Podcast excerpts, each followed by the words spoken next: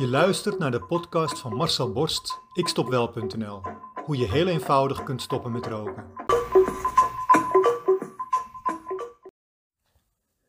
Het is twee uur. Ik wacht op de laatste cliënt voor dit jaar voor een individuele sessie stoppen met roken. Hij is iets wat verlaat, maar dat kan natuurlijk gebeuren. Het is inmiddels tien voor half drie. Waar ik normaal gesproken twee uur nodig heb om van iemand een niet-roker te maken in een één op één sessie, stuur ik de cliënt nu alweer weg. Met deze meneer valt niet te werken. Dit incident leidde bij mij tot een fenomenaal inzicht, dat ik nu ook met jou wil delen. Want ik heb weer een stukje van de puzzel opgelost. Een stukje van de puzzel hoe je heel eenvoudig kunt stoppen met roken. Gelukkig heb ik die puzzel al bijna af na 12 jaar ervaring. Maar elk stukje dat ik nu nog extra kan leggen, levert meteen extra resultaat op. Ik neem dat meestal direct op in mijn online programma, zodat mijn slagingspercentage ook daar richting de 90% kan gaan. Oké Marcel, wat is dan jouw inzicht, hoor ik je nu denken. Althans, dat hoop ik natuurlijk. Het is eigenlijk het verlengde van een inzicht dat ik al jaren geleden heb uh, gekregen en waar mijn hele aanpak van roken op is gestoeld. Namelijk dat alles perceptie is. Als jij denkt dat het heel moeilijk is om te stoppen met roken, dan is het inderdaad heel moeilijk om te stoppen met roken. Als jij denkt dat je verslaafd bent aan een sigaret, dan is het inderdaad heel lastig om het niet meer te doen. Gelukkig kun je dan wel altijd nog de verslaving de schuld geven. Dus aan jou ligt het niet dat je daarna weer doorpaft. Makkelijk toch? De deelnemers aan mijn programma weten allemaal dat dat zo is. Het is namelijk mijn perceptie dat jij als roker helemaal niet verslaafd bent. Natuurlijk speelt er wel een verslavingscomponent mee, maar die heeft maar een heel klein bijrolletje. En is ook nog eens heel snel uitgespeeld. En dat bewijs ik allemaal in mijn online programma. De rest is gewoon aangeleerd gedrag. 90% van wat jij de hele dag doet, het roken wat jij de hele dag doet, 90% daarvan is gewoon een gewoonte, een automatisme aangeleerd gedrag. Slechts 10% heeft met nicotine te maken, met de verslaving.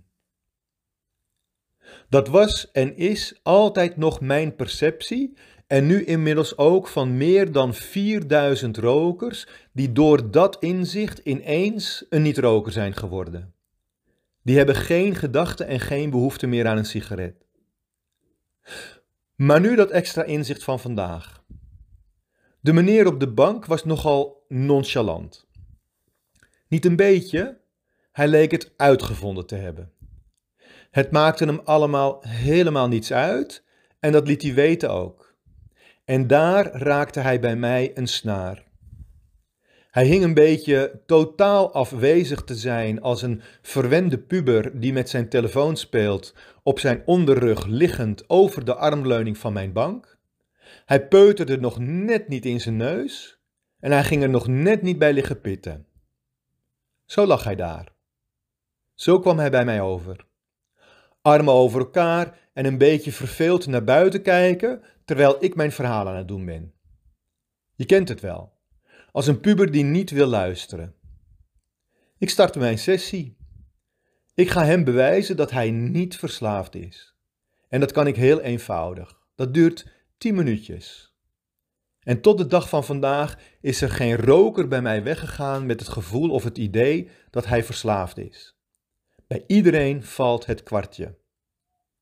Daarvoor hoef ik namelijk maar één vraag te stellen. Het antwoord daarop bewijst direct dat jij niet verslaafd bent, maar gewoon last hebt van jarenlang aangeleerd gedrag, van een gewoonte, een automatisme, van je eigen rookgewoonte. Maar deze meneer, die wist er zijn eigen draai aan te geven. Hij ging het ontkennen en mij het tegendeel bewijzen, in plaats van te luisteren naar mijn verhaal en hier even over na te denken. Want er is echt geen speld tussen te krijgen. Een eigenwijs broekie dus, daar op de bank. Er viel voor mij in ieder geval niet mee te werken. En dus heb ik hem na twintig minuten mij onderbreken gedag gezegd. Ik ben niet de therapeut die jou kan helpen. Succes!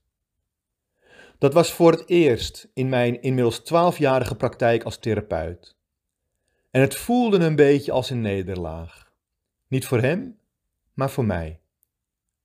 Waar kwam dat nou weer vandaan? Waarom was ik niet gewoon doorgegaan? Wat in zijn houding was de trigger voor mij om de stekker eruit te halen, om zo te reageren? Ik belde mijn collega hypnotherapeut en spanningsmaatje Bianca. Zij kent mij door en door en onze wereld ook heel goed. En toen kwam bij mij opeens dat extra inzicht. Ik word gewoon geraakt door de nonchalance van rokers, door het onderschatten van het probleem dat zich bij hun ontwikkelt.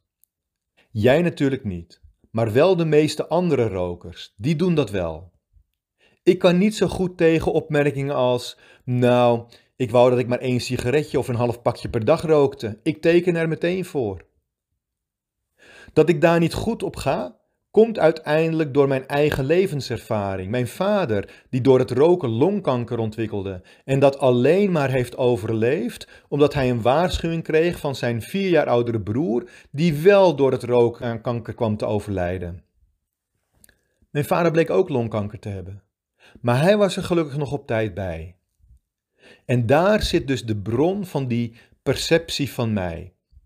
Want longkanker of COPD of strottenhoofdkanker of keelkanker of wat voor ander gevolg van roken dan ook, ontwikkelt zich echt niet zomaar in een weekend of in een week tijd. Daar gaan jaren overheen. Tientallen jaren, voordat het eindelijk een keertje uitkomt. Mijn vader was 50 jaar toen het bij hem uitkwam. Maar die longkanker was misschien al op zijn 35ste begonnen zich te ontwikkelen. Met een eerste heel klein kankercelletje. Voordat je daar echt last van krijgt, ben je al jaren verder. Maar dan is het te laat. Zijn broer is zijn stille getuige. En daar zit nu precies het verschil in de perceptie tussen mij en deze roker nonchalant op mijn bank. Ik denk alleen maar, je bent nu al lekker op weg op het pad van ziekte en afbraak en 15 jaar eerder sterven dan noodzakelijk is. Van pijn en verdriet en frustratie in je laatste jaren, laatste maanden, bij je familie, je ouders, je kinderen, je kleinkinderen. Als ze jou straks moeten zien lijden omdat het te laat voor jou is. Elke roker is nu al ver weg op dat pad. Dat is mijn perceptie. De perceptie van deze cliënt, van veel andere rokers, is: bij mij is er nog niets aan de hand hoor. Valt allemaal reuze mee. Dat gaat nog jaren goed. Ik heb nergens last van en dus steek ik er gewoon nog eentje op. Zij zien niet dat ze al lang op een doodlopend pad aan het wandelen zijn, die eindigt in heel veel verdriet en pijn. Zij zien niet wat ik wel jarenlang heb gezien als klein jongetje bij mijn vader. De strijd die mijn vader heeft moeten leveren. En hij was er nog gewoon op tijd bij, want hij kreeg een waarschuwing. De meeste rokers krijgen dat niet eens. En die nonchalance, die perceptie van die vent op mijn bank, die nekte mij vandaag. Die leidde ertoe dat ik afscheid heb genomen van deze roker, die er liever voor koos om zeven keer per jaar een pakje weg te roken, dan om met mijn hulp volledig in één keer te stoppen. Verander je perceptie en het is heel eenvoudig om te stoppen met roken. Wil jij ook stoppen met roken?